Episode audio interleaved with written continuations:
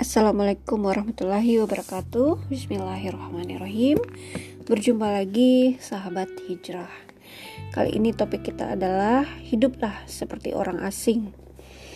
Dari Ibnu Umar radhiyallahu anhuma Ia berkata Rasulullah Shallallahu alaihi wasallam pernah memegang pundaknya lalu berkata Hiduplah kalian di dunia seakan-akan seperti orang asing atau seperti seorang pengembara.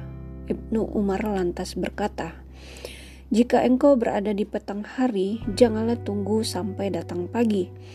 Jika engkau berada di pagi hari, janganlah tunggu sampai datang petang.